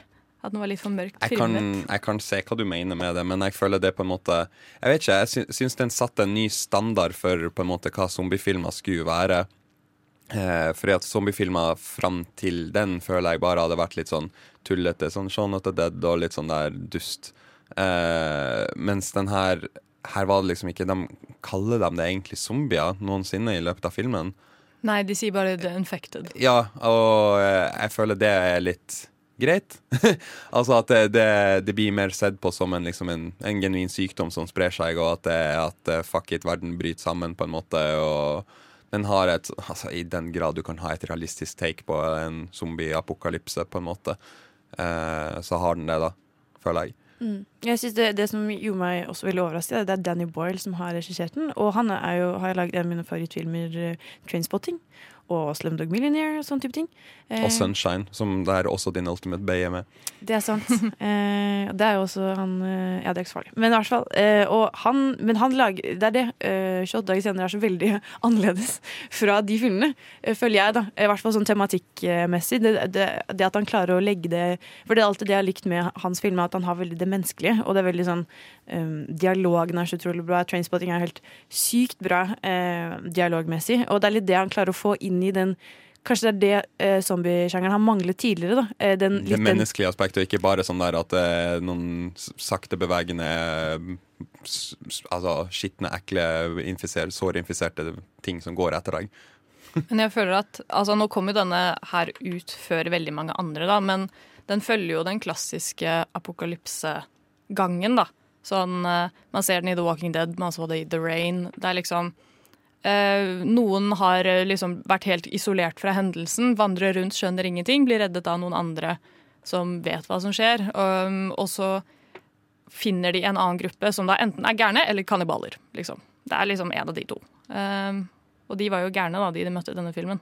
Ja, det jeg eh, også synes var litt sånn Det nevnte jeg i den eh, forventningen min. Jeg forventet mye død. Eh, og det var faktisk Jeg syns ikke det var så mye død. Og det er det eh, La oss si, nevner eh, 'Children of Men', som jeg snakket om tidligere. Der død, dør jo folk, og hovedkarakterer, viktige karakterer, dør helt plutselig. Og så snakker man ikke noe om det lenger, fordi de er borte. Det er sånn er det. Og her så syns jeg nesten det var litt sånn jeg, jeg tror, Selv om jeg ble vel sånn Å, Cillian Murphy kan ikke dø. Så trodde jeg egentlig aldri egentlig på at han skulle dø. Eh, det var mer sånn de andre karakterene som var litt sånn Eh, og OK, kommer du til å bli voldtatt nå? Eller liksom sånne type ting. Jeg ble aldri sånn genuint redd for at de skulle bli eh, forgifta, de også. Så det kanskje var, jeg savnet den risken, kanskje, da. Jeg, jeg syns det lå litt i kortene at han pappaen skulle dø. Fordi eh, konstant så driver de minner på at det er hun Hanna, og så er det pappaen hans. Og de er sånn Å nei, Hannah is too reliant on her dad. If her dad dies, that would be the end of the world. Liksom. At de Ja, det påpeker det. Ja, det er sånn Han kommer til å dø, kunne de bare ha sagt, liksom. Ja, det syns jeg også var utrolig fint med den sånn, OK, ja, historien er sånn som så. Altså sånn Det er, det er Alle som blir filma, er jo veldig så som så i tanke på plottet. Da. Ja. men musikken altså er helt sykt bra. Uh, altså John Murphy har oh, Han har også laget musikken til Sunshine eh, for, for øvrig. Som og, og for øvrig er dritbra. Men den, jeg husker ikke hva den heter nå, men det er i den siste scenen hvor liksom det, Den var veldig uh, kul når Cillian Murphy liksom skal ta hevn på de der militant... Eller de soldatene, da. uh, og da er det en sånn sang, jeg husker ikke hva den heter, men den er utrolig kul, og den bare bygger opp stemningen helt sick. Og det er altså han som har laget for eksempel i Kickass, eh, den eh, når eh, Hva heter han daddy han, han, daddy. han som er faren hennes. Han som liksom går med det Batman-kostymet. Eh, ja, i hvert fall. Han liksom dør, da. Da er det også en sånn sykt episk eh, sang, og det syns jeg var så utrolig fint. Da, at den var, den er, denne filmen er veldig enkel. Og det, det eh, er veldig Det virker som det er ganske lavt budsjett. Det er det. Det var bare fem, fem millioner pund, tror jeg det var. Ja, og da Eh, er det sykt imponerende at de har satset på mye, så mye på musikken da, som de har. Jeg syns alltid det er så morsomt når man er sånn Nei, det er lavbudsjett fem millioner. Så er sånn, Ja, ja fe- fem millioner pund, så 50 Ja. millioner kroner. Men altså Lavbudsjett, men ja. ja. ja, ja. sånn- Men altså, her snakker vi om filmer som bruker flere hundre millioner dollar da, for å bli laga, så ja. Nei, men det er helt sant. Når var det du så den? Var du sett den før, Sondre? Ja, jeg så den da den kom, jeg. I 2002? Ja, ja jeg så den Men hvor gammel var du da? 11. Jeg tror ikke jeg hadde sett på den om jeg var 11. Ja, ja, men det, det var på en måte det Jeg vet ikke. Jeg skadet barn, Sondre. hadde en mørk oppvekst. Nei, men jeg vet ikke. Det, så jeg har jo sett den veldig, veldig veldig mange ganger. Og sammen med oppfølgeren 28 uker senere. Eh, Ok, fordi jeg så at den var på Netflix, og så var jeg sånn Ja. Dette så, Den- den det er- ser skitt ut. Den er dårligere, men den er fortsatt en bra zombiefilm, fordi at den er ikke så veldig zombiete. Altså i form av at eh, Ja, det, det er ikke sånn Walking Dead-ish at det er bare Å nei, der kommer zombiene, og så er det hovedpoenget. Her er det mer sånn at verden har gått, gått til shit, på en måte, som er fokuset, og det er mer fortsatt det menneskefokuset, da. Men Er det fortsatt om de samme karakterene, eller har de bytta ut castet? Er bytta ut. Det, Ja. det er noen andre. Det er noen kids og litt sånn forskjellig. Ja, den minner meg egentlig litt om Eller sånn den her, da, kjøttdeigkjenner, minner meg egentlig litt om I hvert fall det med monstrene, da, det som du sa at de ikke er zombieaktige. I'm Legend eh, med eh, Will Smith. Eh, Det er jo faktisk en, hvis man skal være helt korrekt på det, en vampyrfilm. Men det er jo også sånn eh, De skapningene der er jo heller ikke de, Det er jo det at de liksom gjemmer seg om, eh, om sol, når det er sol og sånne Mm. type ting. da Ja. Men igjen, det handler også mer om det menneskelige igjen. Da. Så kanskje det Jeg er ikke noe fan av eh, zombiefilmer i det hele tatt. Eh, eller sånn, Jeg syns ikke det er så veldig spennende. Nei, når det kommer inn for sånne sjangre med unaturlige vesener, så er zombiefilmer kanskje liksom lavest på ska skalaen hos meg. Mm. Men når de da tar for seg sånne ting som det eh, hvor de, Hva hadde et menneske gjort i den eh, I en sånn situasjon, da? Det syns jeg er veldig spennende. Akkurat sånn som i Contagion, da, den derre eh, OK, hvordan eh, forebygger vi? Hvordan fikser vi dette? Hvordan Ja. finner vi hvordan hindrer vi at dette sprer seg?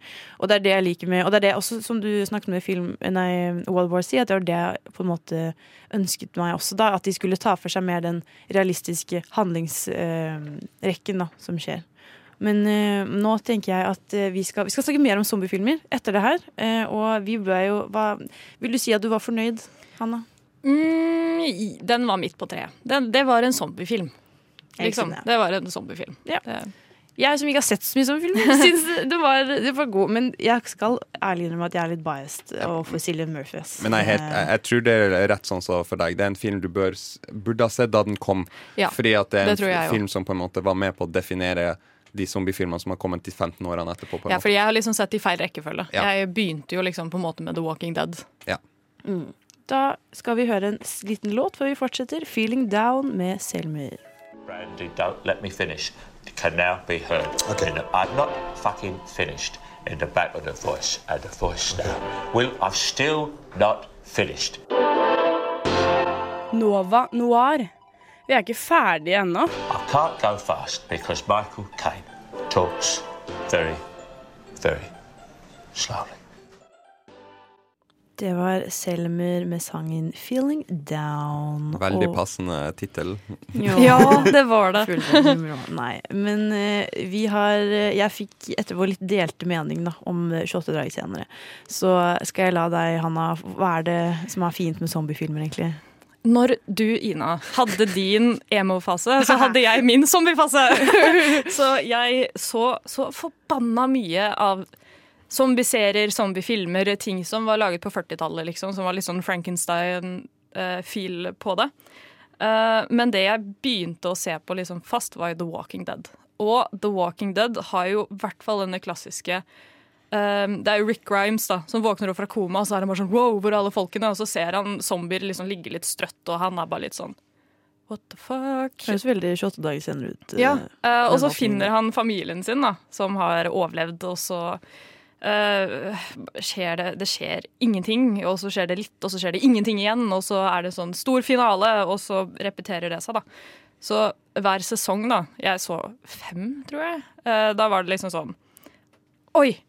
Se, nå kommer det masse zombier! Og så friker alle karakterene ut og skyter og faller og dør litt sånn her og der, og så sitter du der bare og bare «Ah!» Og så går det Ti-tolv episoder. ja, sånn tolv episoder med ingenting.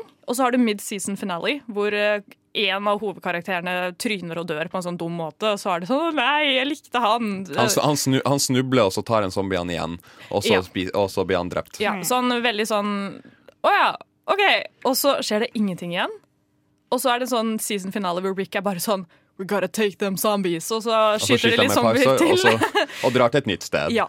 Det Eh, er den verste fucking serien som noensinne er laga. Men altså, når jeg begynte å se den, så tenkte jeg oi, det her er sykt kult. For da var jeg ikke så eksponert til zombiegreier. Jeg syntes det var litt creepy, og det var litt sånn nytt. da Men så så jeg et par sesonger, og så bare innså jeg at det er det samme hele tida. Ja, Det skjer ingenting nytt. det, det, altså Greia som gjør at jeg hater The Walking Dead så in fucking tenst, for at den var så sykt hypa opp. Det skulle liksom bli sånn der at For det var liksom på piken av når zombier var liksom nytt og kult, og bare Oi, shit, nå får vi en hel serie om det, og det her blir fett, liksom. Men nei, nei.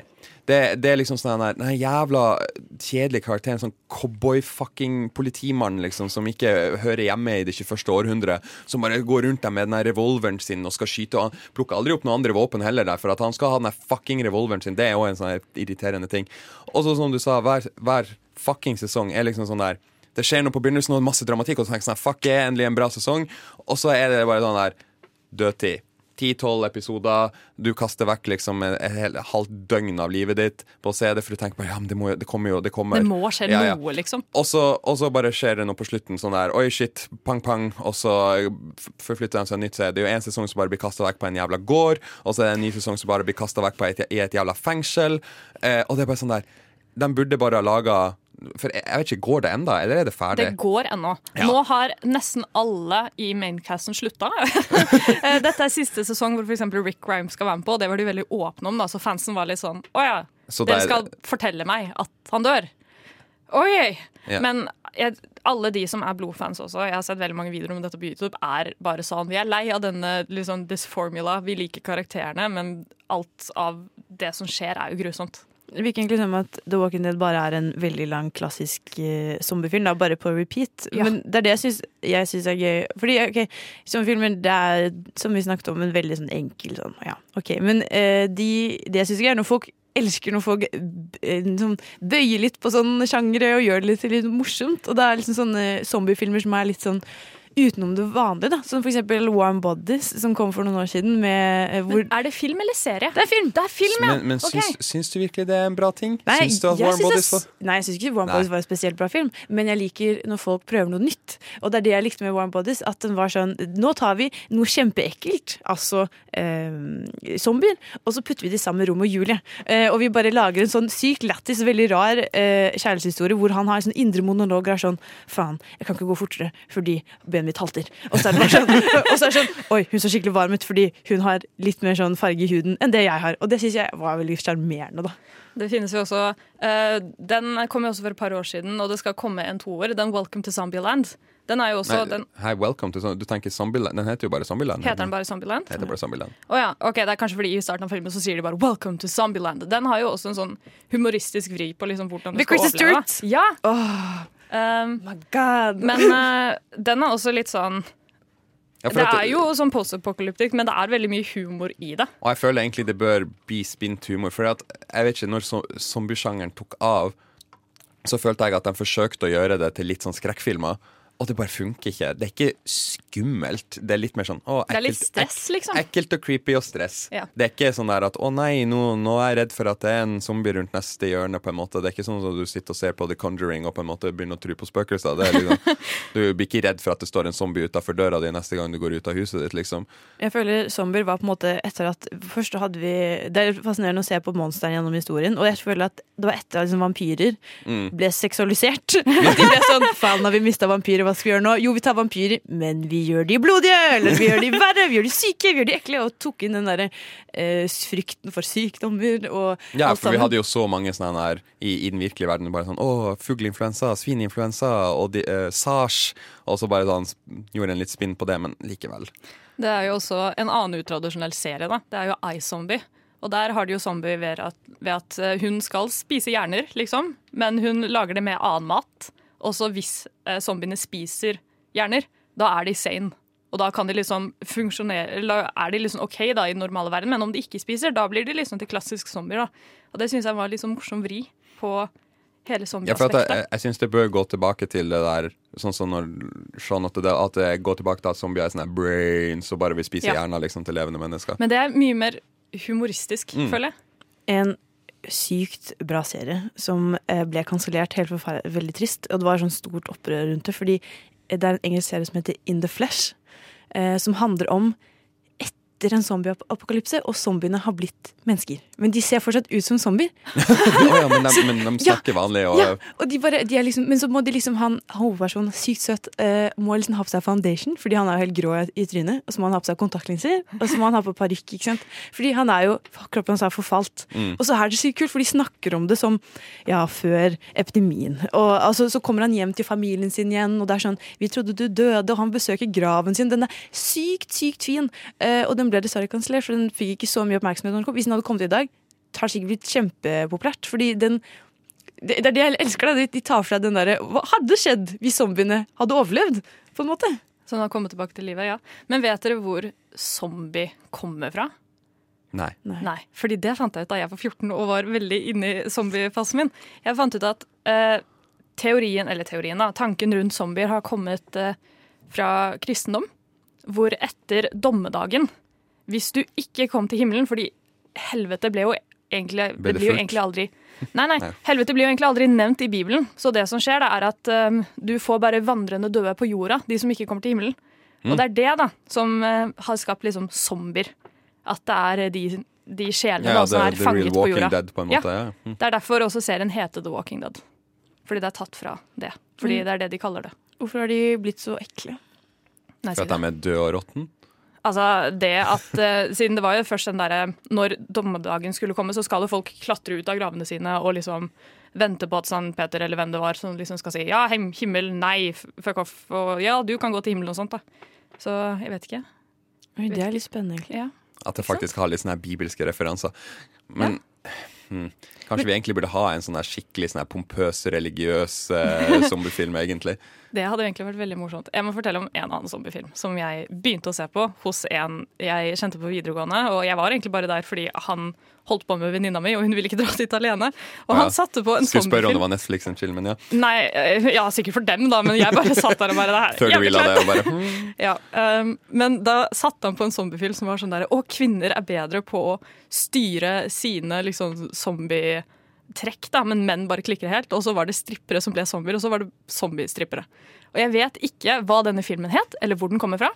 Eh, Sondre så veldig interessert ut nå, skal prøve å finne ut hva den er. En film for Sondre, tenker jeg. Ja, Nei, men det eh, det var Jeg bare satt der og tenkte hva i helvete er det Er du sikker på? på at det ikke den, den Her fant jeg en film fra 2008 som heter Zombie Strippers. Det er mulig det er den, altså. Fordi er han bare var sånn Å, jeg har en morsom film! Kult slash exploitation-film. Det er gøy. Åh, men zombiefilmer Ok, zombiefilmer kan være litt mer da enn den klassiske litt sånn ah, nei, hva skal vi gjøre nå? Eh, Masse action. Kan jeg bare anbefale én veldig bra zombiefilm som kom ut i fjor? Det kan du gjøre. Ja, Den sørkoreanske filmen well, nei, 'Train to Busan' er en veldig fin vri på zombie. Fordi Hvordan den, den klarer å opprettholde det stressnivået som eh, zombiefilmer skal gi. da. Sånn at du blir bare helt sånn 'å, faen, faen, faen', faen, faen liksom. Og da tørner jo folk veldig fort. Men alt foregår på et tog som skal ned til den siste byen som ikke Eller som de har som klart har karantene... Ja, som de har klart å sperre. da. Mm. Så toget skal i utgangspunktet ned dit. da. Og så er det en gjeng med passasjerer som skal liksom prøve å komme seg dit. da. Og så i en, og- men så er det én om bord i toget som er infisert? Nei, nei. Oh, nei. Nei, nei, fordi hvis, eh, hvis du blir infisert, så tørner du med en gang. Oh, ja. Så da vet du det. ikke sant? Ah. Men det er psyko mange folk som bor i Sør-Korea, så det er jo sommer overalt. Mm. Men så er det liksom prøve å holde de vekk fra toget, da. Oi, det hørtes veldig spennende ut. Den er veldig, veldig bra, og jeg begynte å grine på slutten. Så eh, den vekket følelser. Et hett tips til dere som ligger hjemme og er eh, syke, i hvert fall. Train Eh, to Busan. Train to Busan. Vi er ikke ferdig. Vi skal snakke litt mer om generelt serier eh, som tar for seg sykdom. Men først skal vi høre What's Up med Wolfonics. Wolfonics med sangen What's Up. Eh, og denne sendingen har vært preget av sykdom.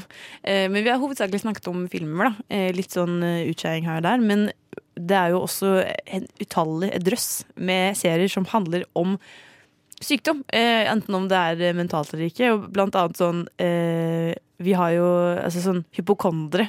Føler jeg har blitt mer og mer eh, tilfelle etter at eh, eksempel Grace Anatomy kom på banen. Satan, Verdens altså. verste serie. Hvis dere hater eh, Walking Dead, så hater jeg Grace Anatomy. Jeg hater også Grace Anatomy. Jeg liker heller ikke Grace Anatomy. Oh, er jeg, jeg, lik, jeg likte det når, jeg, liksom, når det kom, og jeg enda hadde liksom en drøm om å være sånn, hm, medisin, ja, det kan jeg studere. Men så etter sånn de tre sesongene, og jeg innså at det her var jo faktisk et skikkelig horan noe dritt. Så det er et mareritt å se på. Ja. Men var ikke det der George Clooney kom på banen, da? Mm, Dr. Dreamy? Eller er det en annen serie? ja, det er ikke George Clooney, nei. Det, Scrubs? Det vet jeg Nei. ikke. Men, men uansett, men problemet med Grace er jo at det, det er liksom sånn der Selv de minste ting blir så sykt stort, og det er bare masse unødvendig drama. Og det har foregått altfor fucking lenge. Jeg lurer på om det er blitt liksom sånn Hotell Cæsar-nivå på det nå. At det er sånn der Det er vel sesong 18 eller 19 Det er så drøyt, ass. Men hvor lange er de episodene? Er de sånn 45 minutters yep. greier? Ja, ikke sant? Så da kan du se dette i hjel. Ja, men det som også har skjedd med, sånn som med Walking Dead, det er at alle har sluttet. Og det er jo det som har skjedd med Grace Anatomy, at alle har dødd. Å nei, og noe forferdelig skjedde. Og det er det jeg blir litt sånn Disse seriene er bare sånn, de tar sånne bitte små ting, og så bare gjør de det kjempefarlig. Og så blir alle sånn Alle som har sånn Å, jeg har vondt i mitt høyre ben, betyr det at Bare jeg sånn, jeg har vondt i ringefingeren. Og jeg, jeg så på en episode at det kunne være linka til en nerve oppi hjernen. Bare Sånn, Hold kjeft. Jeg, eh, jeg- det forholdet jeg har til Grace Anatomy, er liksom Dere vet den eh, sykehusserien som Joey i Friends er med i? Nei.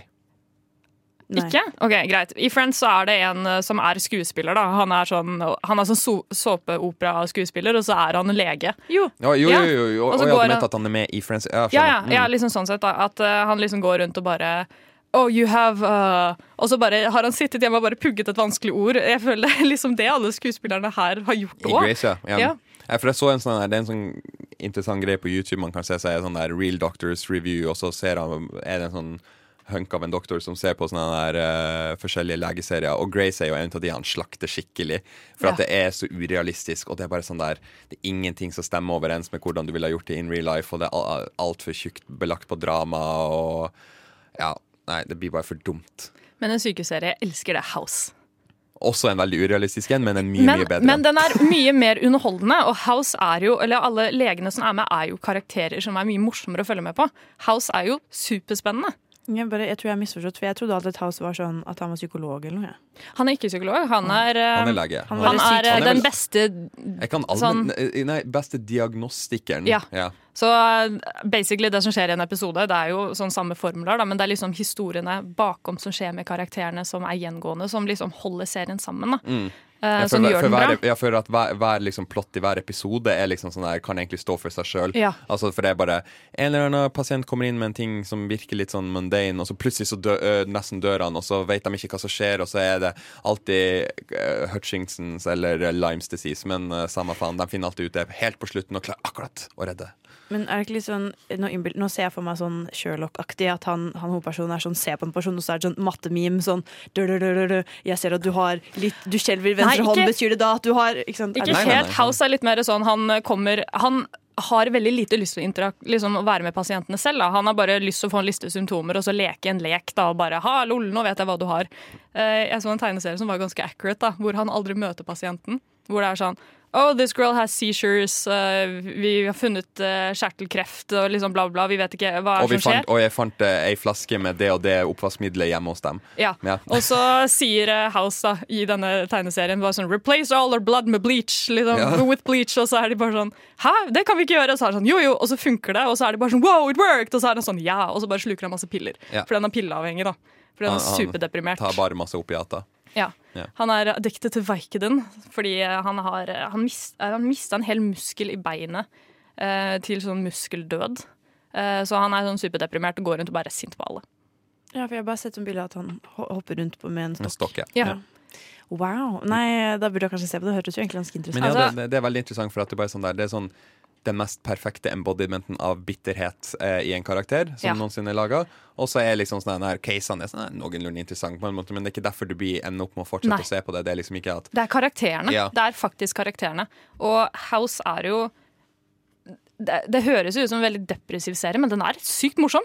Fordi House er jo kjempemorsom. Men òg veldig deprimerende. Ja, altså Den er deprimerende, men House har Eller serien har en sånn humor som Sånn bare humor. passer perfekt. da Så når han får en pasient som har astma, og så spør han Å, kan du bruke den, den inhaleren din, og hun bare ja ja. Og så var han sånn, kan du vise meg? Så blir hun sånn eh, Tror du ikke jeg vet hvordan man bruker den? Og så var hun sånn, jo jo, men bare vis meg. Og så sprayer hun det på halsen som parfyme, og han bare smiler til henne. Og så neste shot er at hun tramper ut av kontoret hans og skriker 'dust'!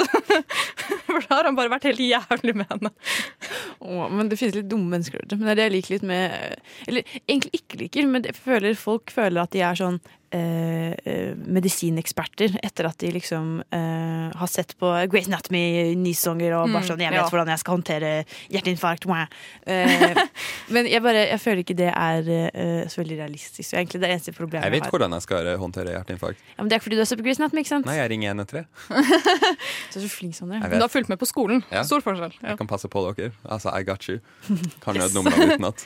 Apropos eh, vokst opp, jeg husker også en serie jeg så på da jeg var liten, som handler om kroppen. Det er Ossian Drex. Ja. Husker dere det? Ja. En fantastisk serie. Den hvite blodcella og den pilla. Ja, som bare var, jobbet i politiet og liksom har alltid et oppdrag om å redde kroppen. For alle sykdommene og bakteriene var kriminelle. Ja, ikke sant? For det, jeg husker spesielt en veldig god scene hvor eh, det var en eh, skurk som skulle få gi han personen kviser. Så han hadde sånn stor sånn lastebil som var liksom fullt med sånn eh, kvisemateriale. Kvisepuss. ja. eh, og skulle liksom kjøre rundt og fylle sånne byller, da. Og så bare var det sånn Vi må stoppe han! Fordi vi kan Og sånn, så var det sånn dagen før sånn skolebilde eller et eller annet sånn klisjé.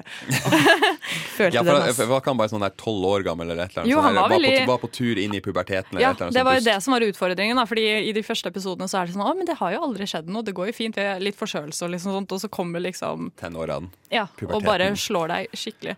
Men jeg husker én sykt traumati- traumatiserende episode var jo når de hvor Ossi og Drix ble liksom bundet til tennene, mens liksom han gutten hadde skalv og skar tenner fordi han var kald, og de var bare sånn Ha, nå blir du knust! Og jeg bare «Åh, Jeg skal aldri hake tenner igjen! Liksom. Karius bare Ossidrix. At det er sånn Å nei, jeg skal aldri pusse tennene mine igjen, fordi Karius må overleve, de òg. Det Ja, det er jo for så vidt en serie om sykdom òg, egentlig. Sånn plakk. Tannsykdom. Kaller du Karius for en sykdom? Jeg gjør det. Men Wow. Karius og Baktus ser jo kjempeskumle ut. Det er jo de De er jo dritcreepy, egentlig. De er det! Det her har vi snakket om før, Ina. Jeg De dukkene er jævlig creepy. de er ganske Og jeg skjønner ikke hvordan dere kan si at eller at du kan si at Ivo Caprino-dukkene ikke er creepy, når du synes at Wallis og Gromit er creepy. Det skjønner jeg ikke. Eh, Det er vel bare fordi jeg vokste opp med de, da. Jeg vet ikke. Jeg, jeg, aldri altså, Jeg har jo vokst opp med de, jeg òg, men det betyr ikke at de ikke ga meg mareritt. Ja, Du er enig om å være uenig, da. Jeg Ja. har preferanser. I hvert fall. Det er mye serier der ute. Absolutt løp og eh, se på det. Og hvis du har lyst til å bli hypokonder Så se eh, Ossie og Drix. Nei da. Absolutt det beste anbefalingen Ja. i dag. Eh. Nostalgitrip eh, ja. til 1000. Nå er vi snart ferdig her i Nova Noir, men du skal også få lov til å høre en liten låt, og det er altså California Friends med The Regrets. California Friends og av bandet The Regrets. Eh, og vi har Nå går vi snart mot slutten, dere. Men vi har jo snakket om eh, kanskje ikke det mest lystige temaet, da. Eh, pandemier og alt som er koselig og gøy. Og alt, alt fra pjuskefilmer til ja, til, Til alle kommer til å dø. Ja. Det er jo litt hyggelig, da. tenker jeg. Man kan ha liksom double-edged sword. Det er sånn de hyggelige tingene. For nå kan, nå som, det dere kan begynne med, da, er at dere kan se, se Contagion. Og så kan dere eh, gå hjem og se eh, en eller annen koselig film. Eh, ikke Kinnes liste, da. Eh, Og så kan dere avslutte med Big Sick. Ja, fordi den, det er godt humør. Den er jo bare yeah. søt. Men uh, Contagion, da, det jeg husker at jeg syntes var veldig um, utfordrende, det var et etterpå så ble jeg helt sånn Jeg må vaske hendene mine, jeg, kan, jeg må gå rundt alt tilbake hele tiden, fordi jeg kan dø. For det er jo veldig sånn realistisk, egentlig. Ja. Det er jo veldig mye uh, sykdom ute og går. Og det, det er det som jeg syns var så skummelt med eh, var at det skjedde bare sånn. Det, det kan skje når som helst. Ja, ja, men det var det jeg ble, jeg ble jo egentlig minna på, for jeg rewatcha den før denne sendinga. Og jeg ble egentlig minnet på det, for jeg har jo jobb som dørselger. Jeg tar veldig mange folk i hendene i løpet av en dag, og jeg, vet, og jeg gjør det hjemme hos dem. Og det er jo ikke akkurat hjemme du har den beste hygienen, liksom. Det er jo når du liksom er ute og sånn her. Så jeg, skal ta med meg antibac etterpå når jeg skal på jobb. Du burde gå ut med hansker og bare være sånn hei. hei. Ta forsiktig i hendene. Eller du kan begynne å sånn, nikke istedenfor håndhilse. Ja, Jeg skal- nei. Og kan du ta på deg skjørt? Det har jeg lyst til å se. Å, fuck, ass. Det har nettopp vært halloween. nei vi, vi tar ikke den der tangenten der at jeg, du vil se meg i skjørt. Altså. Jo, jo! Til Nei. neste halloween så skjer det. Nei. Det bestemmer jeg nå. Det var jo halloween i går. Jeg føler Ja. dette er jo nesten like skummelt. Eh, Det er Ja, men det er jo kjempeskummelt, siden jeg er jo, jeg er jo livredd for at sånne pandemier faktisk skal skje. Fordi eh, det, er jo, det kan jo skje. Det har jo skjedd før med spanske Nei, the Spanish flu og liksom alt Det, det Men har jo var skjedd. før, men det var før moderne medisin. Men- ja, men, men- nå begynner jo folk å slutte å vaksinere ungene sine, så det betyr ikke at man slutter Ja, å det, dø. bare. det er jo fordi at de er blitt woke. Hallo. Sånn, jeg så faktisk på YouTube at vaksin, vaksiner er dødsfarlig. Og du så det? Mm. Kat Von D hun har jo bestemt seg for å ikke vaksinere ungen sin. Og så når folk kritiserte henne for det, så var hun bare sånn It's my body, I can do whatever I want. It's og alle bare body, ja. Nei, det er kiden din! Det kan du gi deg! Men Kat Von D har også uh, støttet uh, nynazister, da, så jeg vil liksom ikke si at Har hun gjort det? Ja, ja, hun et veldig Jeg kan lady. ingenting om denne dama her, bortsett fra at hun ikke har lyst til å vaksinere ungen sin. Og at hun lager bra eyeliner. Det er det jeg kan om henne. Nova Noir gir deg filmnytt og anmeldelser torsdager fra 10 til 12 på Radio Nova.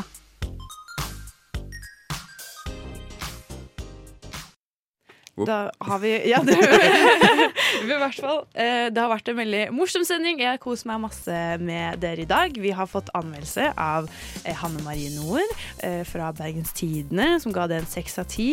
Og vi har snakket om kosefilmer og, som man burde se når man er syk, og snakket litt om forskjellige variasjoner da, av sykdom på film. Eh, og jeg syns det var veldig hyggelig med dere, og jeg føler meg Den eh, hodepinen min har eh, Forsvunnet. Ja. Mm. Så jeg vil bare si Fint å kunne kurere deg. Ja, ikke sant? Tusen takk. Håper vi har kurert alle i dag. Absolutt. Eh, jeg heter Ina Sletten. Med meg i dag har jeg hatt eh, Sondre Kauslin, Hanna Holm Aune og eh, ulike eh, svennene. Hørte jeg på å si folk, akkurat sånn som Hanna gjorde sist. På teknikk. Tusen takk for oss. Ha en fortsatt fin helg. altså. Og husk å vaske, vaksinere kidsene deres. Vask Ja, gjør Vask hender, vaksinere kids. Det er din feil om vi dør av eh, pandemier. ha det. Ha det. bra.